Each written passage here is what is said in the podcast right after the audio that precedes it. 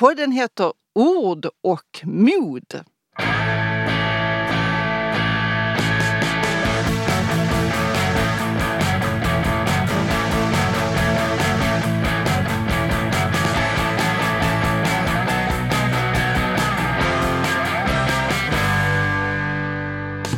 Välkomna till podden Ord och mod. Podden som ska sätta fingret på näthatet men också ge tips och råd om vad vi kan göra åt det. Och ge mod att fortsätta använda ordet på nätet. Precis, och vi som gör den här podden, det är jag, Helle Klein. Jag är chefredaktör för Dagens Arbete, men jag är också ordförande för Sveriges Tidskrifter som är en branschorganisation. Och jag heter Jeanette Gustavs dotter och är generalsekreterare för Sveriges museer. Ja, Helle, till det här första avsnittet så ska du ju sidekicka och jag modererar. Exakt, så nu kör vi! Ja, Yes. välkomna! Nu ska vi prata om, borde inte nätkultur vara ett skolämne?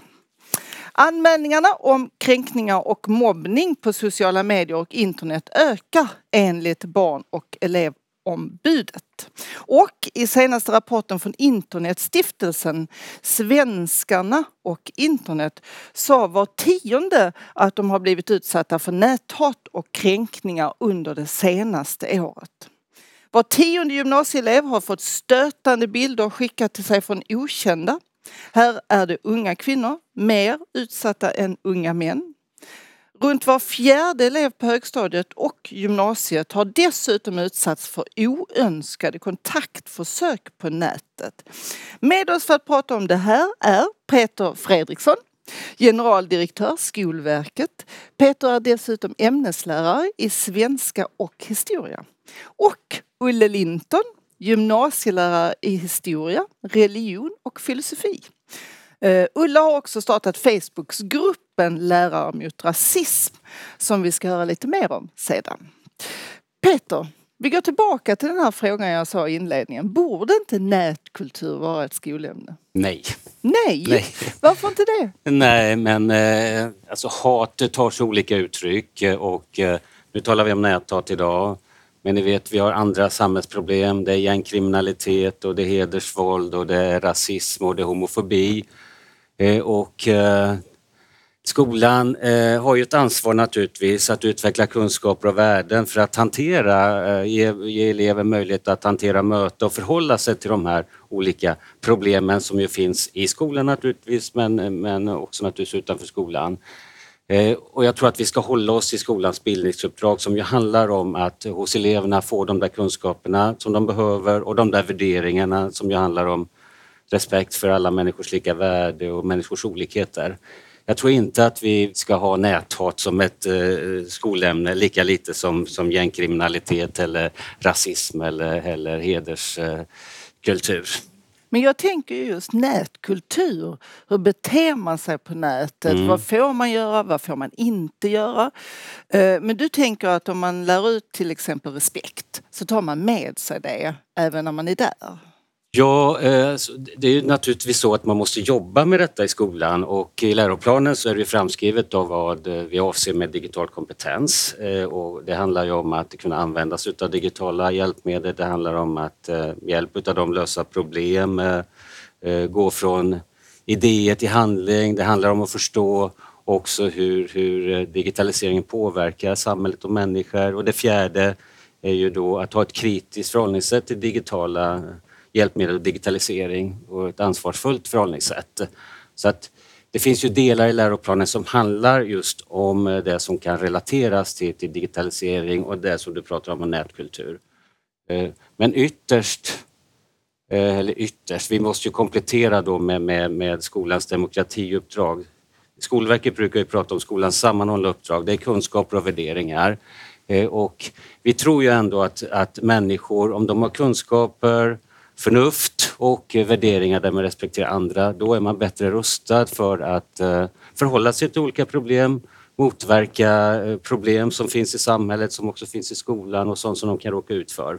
Så att jag tror att det är viktigt att hålla sig till detta. Kunskaper och värderingar, det är liksom skolans eh, uppdrag och bildningsuppdrag brukar vi säga också. Mm. Vi kommer tillbaka till det lite snart men jag måste ställa samma fråga till dig Olle. Borde nätkultur vara ett skolämne? Jag håller helt med Peter här. Jag tycker nej, det ska inte vara ett skolämne. Eh, jag tycker att skolan har så pass bra eh, alltså grundteser och eh, grunddokument för att hantera de problemen som kan uppstå. Däremot betyder det inte att man inte ska tala om det. Det ska hela det ska vara en pågående dialog kring hur vi agerar mot andra människor, mot oss själva och detta naturligtvis inte bara i den fysiska världen utan också i den digitala världen som ju är så framförallt för ungdomar idag är en ganska stor del av deras, deras liv. Så att naturligtvis så måste vi få in det, det, ska säga, det, det, grundläggande etiska diskussionen måste också finnas i, i, i de här sammanhangen. Men jag tror inte att vi ska ha det här som ett specifikt skolämne eller något sånt där utan det här ska, den allmänna diskussionen ska innehålla sånt här i alla fall. Okej, inte specifikt skolämne. Ändå har vi denna statistiken som talar sitt tydliga språk. Era kommentarer om den då? Ja men alltså vi har väl, ett, vi har väl ett, ett, ett en, alltså en en retorik i samhället som har blivit mycket hårdare. Det kan vi se på en ganska kort tid. Hur, och det är inte bara i skolan, alltså skolans värld bland ungdomar. Så det, vi kan faktiskt se det hela vägen upp till riksdagen. Att man tillåter sig att uttrycka sig på sätt som aldrig hade accepterats för, för 20 år sedan. Man tillåter sig att tilltala varandra på sätt som inte är eh, ska säga, på ett schysst sätt. Man kan, man kan säga saker om varandra. Eh, så att naturligtvis så ökar ju, skolan speglar ju samhället i stort så det är klart att det har ökat i, i skolans värld också. Och det, det är djupt oroande. Det är den här retoriken som andra använder samhället som också smittar över då kan man säga på skolelever. Och vi ser ju flera exempel på politiker som twittrar väldigt aggressivt. Mm. Och det är klart att det kan ju vara en sån sak som sedan leder över till. Eh, Sveriges Television har ju en serie nu som är just det hårda språkbruket. Eh, sexism, rasism, homofobi är vardag i språkbruket i skolorna. Uh, och när jag ser den här serien så tänker jag så här, vad är hönan och vad är ägget? Var börjar den någonstans och hur har det blivit så här? Vad tänker du Peter, kan Skolverket eller skolan göra någonting mer när det gäller detta? Självklart och eh, det finns ju en skollag som vi har att förhålla oss till och där är det ju väldigt tydligt framskrivet att man ska på alla sätt motverka alla former av trakasserier och kränkningar och så har vi diskrimineringslagen så att eh, utifrån ett juridiskt perspektiv så har skolan ett ansvar. Sen eh, är det ju så att man behöver kunskap eh, och där har ju Skolverket ett ansvar att stödja skolorna med kunskap för att då tillsammans med elever diskutera då, ja, näthat som vi pratar om nu eller andra former av hat eller kränkningar eller trakasserier. Men ytterst är det naturligtvis de som är ansvariga för skolan som ska säkra att eleverna får det de har. Eh, men Skolverket ska stödja, det är en funktion som Skolverket har och det gör vi ju genom att vi har stödmaterial av olika, olika slag, vi har kunskapsöversikter, vi har till eh, kursplaner och läroplaner så har vi kommentarsmaterial. Och då försöker vi ju då att eh, utgå från vad vetenskap och beprövad erfarenhet har, har sett som framgångsrikt för att då motverka trakasserier och kränkningar, diskriminering.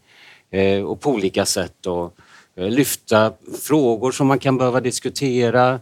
Det finns ju inte en metod, det, tror jag är viktigt att säga. Det finns inte en metod att använda sig utav utan varje skola har liksom sin kontext eh, och eh, man måste på varje skola ha koll på hur ser problemen ut? Vad upplever eleverna utifrån då förekomsten utav, utav näthat eller utsatthet på nätet och hur ska man jobba med detta på, på den enskilda skolan? Så att någon enskild metod att peka ut eh, som särskilt framgångsrik, det kan vi inte göra. Utan det är det här breda angreppssättet. Eh, och då finns det en risk tycker jag med, utifrån den fråga du ställer Jeanette här. Mm. För skolan ska motverka alla former av kränkningar, trakasserier, diskriminering, hat. Och om man då särskilt betonar näthat, vad är det man då exkluderar? Så att jag tycker att en rimlig utgångspunkt är att brett jobba med detta och vara medveten om att diskriminering sker på olika grunder och, och hat och trakasserier tar sig olika uttryck. Och därför jobbar ju också Skolverket brett med olika stödmaterial.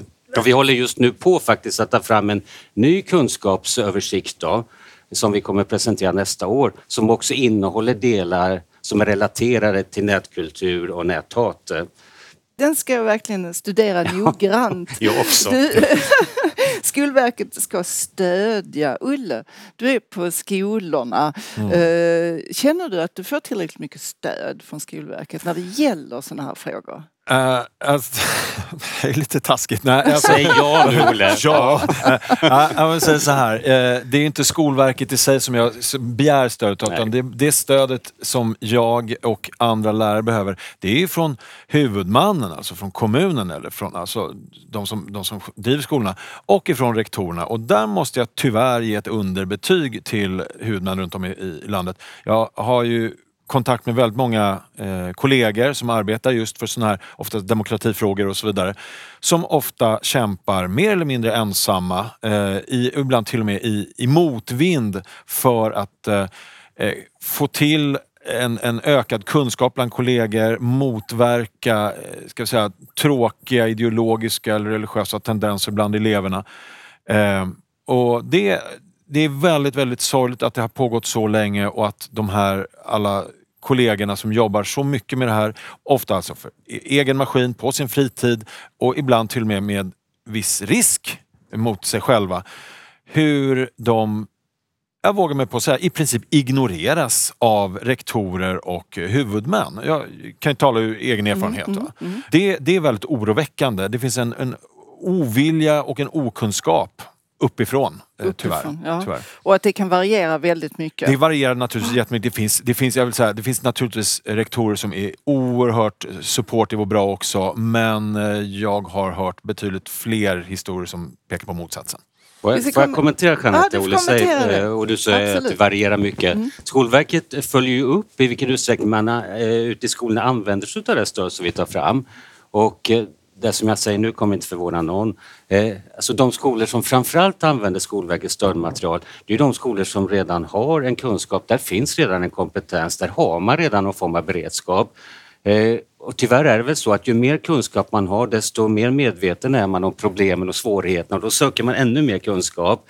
Men den här kanske naiviteten eller, eller vad vi nu ska kalla det eh, det, den leder ju till att man kanske inte självklart då tycker att man behöver eh, mer kompetens. Så att, tyvärr ser vi ju då att, att de skolor som allra bäst skulle behöva Skolverkets stödmaterial inte självklart tar del av det.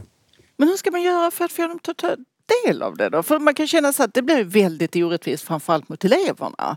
Beroende på vilken skola man går i så får man helt olika förutsättningar och kunskap. Hur ska man göra för att de som man vet, de här tar inte del av det, ni ska ta del av det. Hur gör man det? Öka kompetensen. Det min, min tanke är det att varje, om inte varje skola så åtminstone varje skolområde, där ska det finnas en i personalen, det måste inte vara en lärare, men det måste finnas någon i personalen som har i sin tjänst att hålla sig uppdaterad eh, och alltså välinformerad kring de eventuella lokala rörelser som kan finnas i området men också vad som sker generellt inom forskning eh, i sådana här frågor.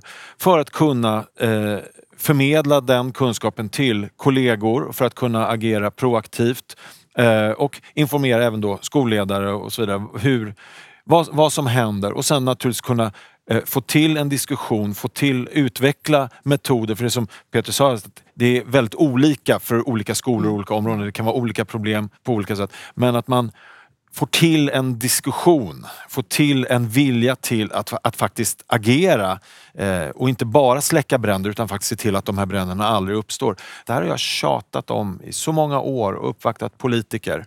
Eh, jag jobbar i Stockholm. Mm, mm. Ingenting. Ingenting? Nej.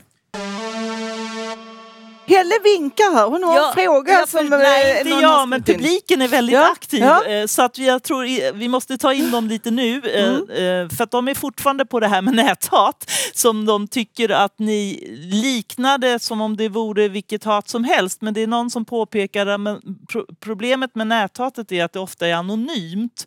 Och det har vi inte haft så mycket i mänsklighetens historia. Borde man inte kunna problematisera det? Det är en som frågar. Sen är det en hälsning till Peter från en som heter Kristoffer. Sjukt att se Peter, min gamla rektor på Mariaskolan för kanske 12-13 år sedan. Grattis till Skolverket! och sen undrar en vad det var för SVT-program eh, du nämnde, Ja. Jeanette. Ja, men då, den kan jag hålla på. Men däremot så den första frågan att ni ignorerar näthatet Nej, lite verkligen Nej, inte. nej, nej. Att, Det Absolut hörde inte inte. jag Olle göra och jag tror inte Olle hörde mig göra det. Vi sa, tror jag, åtminstone jag sa att hat tar sig olika uttryck och att man behöver naturligtvis en kompetens relaterat till just den problematik som, eh, som, som omfattar näthat. Men grunden till hat eh, är väl egentligen densamma. Eh, Och för att komma till rätta med hat så behöver man då jobba med, med, med kunskap, men man behöver jobba med, med värdegrunden, demokratiuppdraget. Jag ser en risk i att man isolerar näthat som om det skulle vara något väsensskilt från andra former av hat och förtryck och, och kränkningar. lika allvarligt som de andra och att Mm. det ska vara in i demokrati, hela demokratiarbetet på skolorna. Den här frågan pekar ju på ett problem som, inte var, som vi inte var vana vid, just att det här är så anonymt. Fast, fast det var anonymt förr också.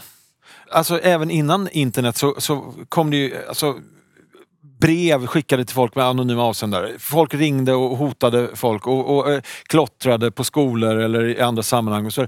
Det var anonymt det också. Så jag är ledsen, men hatet hittar alltid nya vägar och de som hatar har aldrig varit speciellt pigga på att stå för sitt hat eh, personligen. Utan det, är- så att det är inget nytt. Sen att det är lättare nu kanske än att sätta sig ner och skriva 200 brev till, till oönskade journalister eller lärare eller vad det nu var. Men, men anonymiteten är ju knappast ny. Den har funnits hela tiden. Den har alltid funnits. Du, du lyfte här innan Ulla att eh, det borde vara obligatoriskt i en tjänst att lyfta just det här med demokratin och inte, alltså verkligen jobba aktivt. Alltså för alla lärare, vi har ju vår tjänst. Alltså, demokratiuppdraget är en del av vårt. Det ska alla lärare. Det är inte bara historielärarna och samhällslärarna som ska göra utan det ska alla lärare göra. Men jag efterlyser att det ska finnas eh, vikt speciellt. Man skulle kunna jämföra med till exempel en, en, en karriärtjänst i eh, alltså ämnesförsteläraren. Så här. Någon som helt helt enkelt har ett ansvar att eh, eh, hålla i värdegrunds och demokratiarbetet på en skola eller kanske ett skolområde.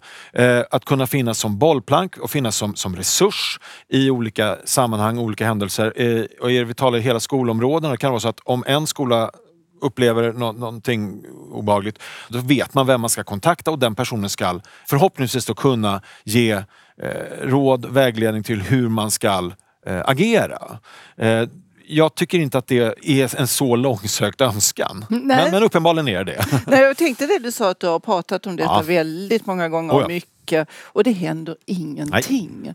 Ja, det är så här skrämmande insikt som man får när man sitter här. Men jag tänkte jag ska följa upp den här frågan som kom in från en chatt. Det är på SVT Nyheterna. Om man tittar dess app så finns där en serie nu som heter Det hårda språkbruket och det är i skolorna. Så där kan man söka sig fram till det jag nämnde tidigare.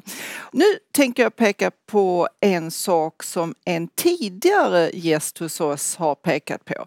Åsa Wikfors, professor i teoretisk filosofi och ledamot i Svenska Akademin. Hon var med i vårt tredje avsnitt och i sin bok Alternativ fakta så är det ett väldigt argt kapitel som handlar om skolan. Hon tycker att skolan har frånsagt sig kunskapsuppdraget och att man istället ska lära eleverna kritiskt tänkande, vilket skolan ska göra. Att det är viktigast och inte faktakunskapen. Hon tycker att det ska vara tvärtom.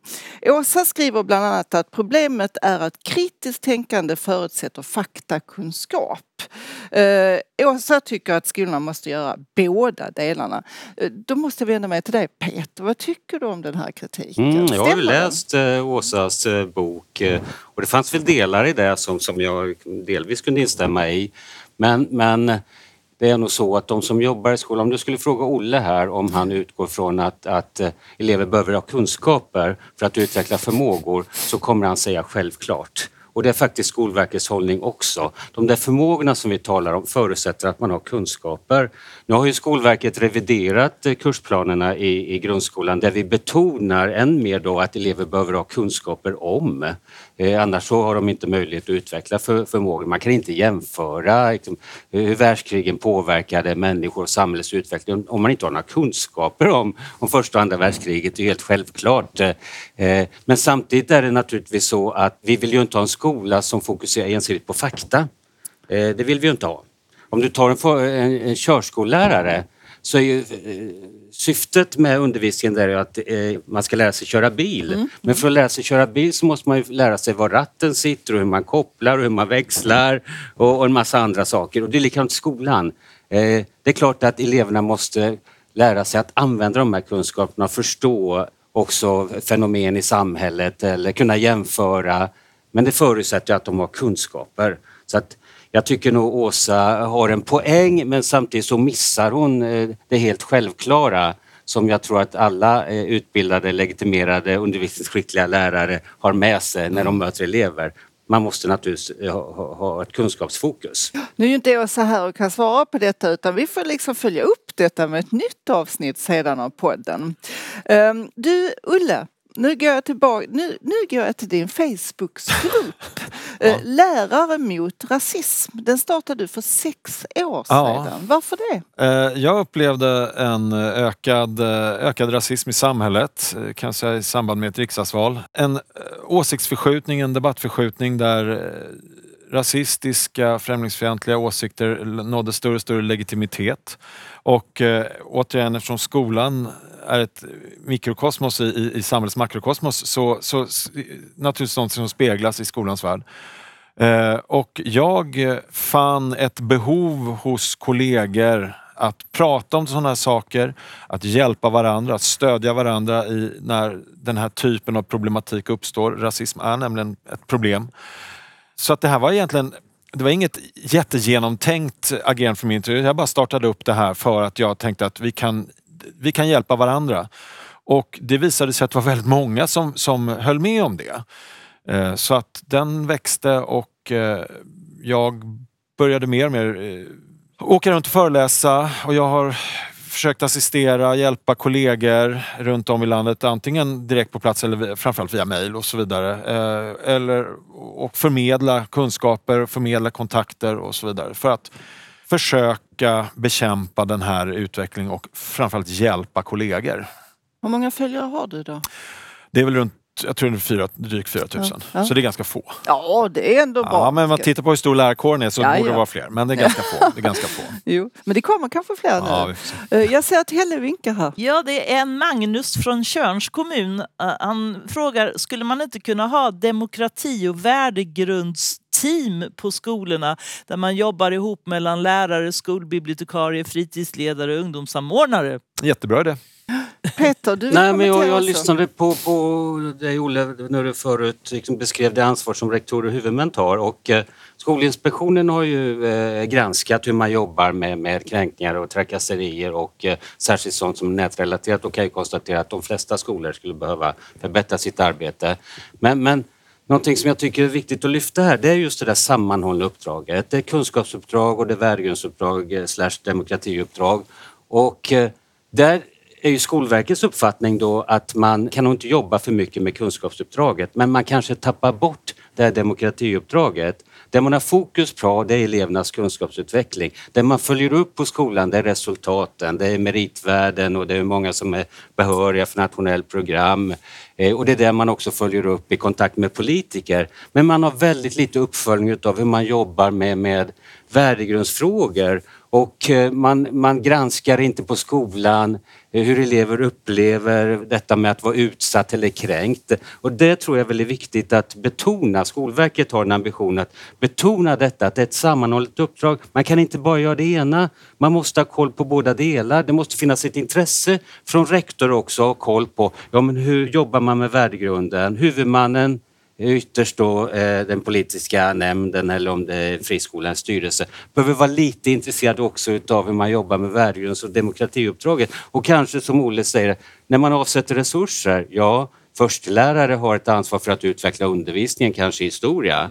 Men varför har man inte eh, använt sig av möjligheten att, att använda en förstelärare för att utveckla skolans arbete med demokratiuppdraget? Och det det måste vara en mätas. balans och det Ja. tror jag är viktigt att, att vi försöker stödja, att man, att man ser att de här delarna, de hänger ihop. Alltså alla som jobbar i skolan vet ju att ska man lyckas med elevers kunskapsutveckling, då måste man jobba med demokratiuppdraget. Om någon elev känner sig kränkt, ifrågasatt, underordnad, ja då kan man utgå från att kunskapsutvecklingen blir sådär. Eh, Men för, jag jag vill ju, för att inte någon ska tro att jag är liksom, eh, så här flummig skolverksmänniska här nu som inte tycker att kunskaper är viktiga. Eh, Det är viktigt med kunskaper, men om vi inte jobbar med den andra delen så kommer vi inte lyckas med kunskapsuppdraget heller.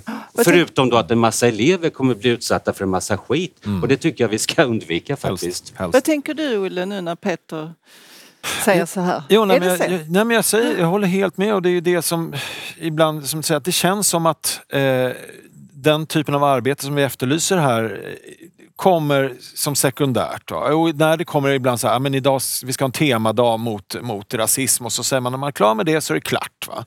Eh, och det, det, är inte, det är inte effektivt, det, är inte, det fungerar inte så utan det ska vara ett kontinuerligt och insatt arbete pågående hela tiden, precis som matematik, svenska, franska och historia. Pågående hela tiden och Ja. inte bara liksom på tema. Ja, men jag, jag förstår, det, det här är jätteviktiga Mm. frågor och att de också följs löpande på olika sätt. Helle vinkade igen. Ja, Så jag tror att det, pågår fullt lite här i aktivitet. Roligt. chatten och det är många som engagerar, det är många som håller med er också om, om vikten av demokratiuppdraget i skolan. och Så här. Men det är en som, som pratar just om det här med hot och hat på nätet som frodas och risken är att många unga eh, fastnar i, i sådana digitala bubblor och radikaliseras och så här. Och borde man kanske eh, ha mer krav på källkritik i skolan i tidigare årskurser eh, och mer omfattande? Och där, den där frågan kommer ni få båda två. Du får den först Olle. Alltså, tidigare, tidigare ja, det tror Tidigare. jag därför att det, det yngre och yngre eh, alltså elever eh, använder sig av digitala hjälpmedel i olika. Så, så att det är väl helt naturligt. Det är på samma sätt som vår generation, vi tittade på TV när vi var små. Nu så sitter de i olika appar och sådär. Så det är klart att man måste prata med eleverna om eh, sådana här saker. Så att de inte låter sig luras på olika sätt eller lockas av saker. Och det handlar ju inte bara om eh, våldsbejakande extremism utan det handlar ju om att de inte ska köpa på sig massa skräp eller något sånt där också. Så det tycker jag absolut man kan göra. Eh, i, I och med att vi arbetar väldigt mycket digitalt långt ner i åldrarna så att det, jag tycker det känns ganska naturligt att man pratar om vad som är sant och vad som är, är falskt. På olika sätt, naturligtvis anpassat utifrån den ålderskategori man undervisar. Och jag utgår från att du håller Ja, med jag Peter. håller med om allt Olle säger. Jag har ingenting att lägga till där. Det var bra det sista du sa, att det är naturligtvis så att man måste anpassa det efter elevernas eh, mognad och, och ålder. Men källkritik ska vara en ständigt närvarande del i, i undervisningen. Eh, någonting när man pratar just om ungdomar på nätet men även vuxna på nätet är ju att det går så snabbt, det blir så lätt eh, att lägga ut någonting, skriva någonting. Och då tänker jag på när du startade den här Facebookgruppen Lärare mot rasism så sa du det var inte så jättegenomtänkt. Nej, Eh, Var det är väldigt få saker jag gör som är genomtänkta kan jag ju lova. tänkte jag, ja, och då använde du då Facebook, Ja, en Facebookgrupp. Blev det verklighet för att det var så lätt? Det tror jag. Absolut. Det var väldigt lätt för plötsligt kollegor att, att hamna i, i kontakt med varandra. Vi, jag tydligen generationer som faktiskt tycker att Facebook är rätt bra. Nu har jag förstått att jag är förlegad och, och en dinosaurie men eh, i dagsläget skulle vi göra på TikTok eller något sånt där. Men, ja, just det. Men, nej, men det, det, var, det var en möjlighet för väldigt många runt om i landet och även faktiskt jag har en del utomlands ifrån eh, som Eh, komma i kontakt med varandra, eh, ställa frågor eh, och framförallt kunna ge varandra olika förslag till svar. Va? Det blev en gemensam plattform och det var det jag startade för. Alltså, så att det lyckades hyfsat bra. Det finns Så. ju mycket diskussion i samhället. Jag har hört det flera gånger på andra ställen. Ja, men lärarna får inte säga vad de tycker. Här säger du ju väldigt tydligt eh, vad du tycker. Och, och det jag Vad tycker här, det är, inte, det är inte bara vad jag tycker utan det är faktiskt den värdegrund skolan som vi som lärare arbetar efter. Vi arbetar utifrån demokratiska värderingar. Alla människors lika värde, lika rättigheter och värdet i att vi faktiskt är olika utan att lägga in en, sorts värdering i detta. Utan vi, vi faktiskt det är okej. Okay. Sen att jag råkar ha de åsikterna också. Men det är väldigt viktigt att påpeka att det, det, det ingår i vårt uppdrag. Så det är klart som fan att vi lärare ska, ska agera därefter och undervisa därefter. Det är vår yrkesroll, det är, vår, det, det, det uppdrag vi har. Och, och om man som lärare har svårt för detta och tycker att det här är jobbigt och det går mot ens egna personliga övertygelse då kanske man ska gå till SYV och söka sig någon annanstans till ett annat yrke. Ja, för de har ju aktiva SYV på skolorna så det kan man passa Jajamän, på. Man Du- går. Men får får jag lägga till Ja. någonting? Eh, Det kanske man ska göra, men, men framförallt tycker jag att man ska eh, efterfråga stöd hos kollegor, hos rektor, kanske hos Skolverket. För vi måste vara medvetna om och ha någon form av respekt för att lärare kan hamna i väldigt jobbiga situationer. Alltså man ska stå upp för värdegrunden, den är inte förhandlingsbar. Det är inte fritt valt arbete att jobba med skolans värdegrund, verkligen inte. Men man kan möta elever som står för någonting helt annat och som reagerar väldigt starkt. Och kan, man kan känna sig som lärare väldigt ensam och utsatt i ett sånt läge. Och då är det inte självklart så att man ska liksom tänka sig att man ska jobba med något annat utan Nej. tvärtom ska man nog liksom fundera på hur kan vi tillsammans jobba med det här på skolan? Man har ju ett ansvar att bedriva systematiskt arbete på skolan och fundera verkligen på hur ser det ut här? Vilka problem möter vi? Vad kan vi göra tillsammans? Så att man inte lämnar läraren ensam i det här ibland jäkligt tuffa uppdraget. Jag tror att det är en sak på Östra Real, Olle, där du är. Ja, jag var. För Ja. det tror jag att ni har elever som i ganska stor utsträckning de är i alla fall så smarta så de förhåller sig till det du säger på ett för Jag vågar inte säga någonting Nej. annat nu. Nej. eh, Och det kan vara jäkligt tufft faktiskt på andra skolor Mm. Eh, och det måste vi ha respekt för. Nu är du lite grann inne på de här tipsen lite Mm. grann. Man måste ha respekt. Ta, ta hjälp av varandra. Det är det du säger. Oh ja. Stötta varandra, Japp. stötta kollegorna. Kollegialt lärare, Kollegialt lärande lärare. heter det nu för tiden. Men Ja. hjälpa varandra säger vi vanliga Samarbete heter det. Samarbete Ja. heter det för precis. Vi ska få avsluta med några korta tips till för vi, vår tid börjar närma sig slut. Har ni något annat tips om man blir utsatt för detta eller hamnar i den här diskussionen? Som lärare så tror jag just faktiskt, det är det här, man måste prata med varandra. Man måste, det, är, det är inte ett tecken på att man är inkompetent eller svag när man ber andra om hjälp. Det finns alltid folk som har stora eller åtminstone tillräckliga kunskaper som man själv saknar. Be om hjälp! Det finns ett litet produktideal bland lärare att man ska klara sig själv väldigt mycket och det, det är dumt. Hjälp varandra. Och sen så naturligtvis också om man vet att en, en kollega kanske har en klass som är kämpig. Fråga hur det går. Fråga om de vill ha, alltså erbjud ditt stöd. Och det, kan, det behöver inte vara kunskaper. Det kan vara en klapp på axeln och ska vi gå och ta en kopp kaffe? Visa att man, att man ser. Det är jätteviktigt. Tack Ulle. Peter, du får kort Nej, men jag instämmer i det Olle säger också. Jag, jag skulle verkligen vilja hänvisa till det stödmaterial som Skolverket har och de kunskapsöversikter som finns. Och jag har ju en tro på att, att kunskaper kan förändra människor. Och jag tror att alla som är lärare vet vad som kan hända i ett klassrum.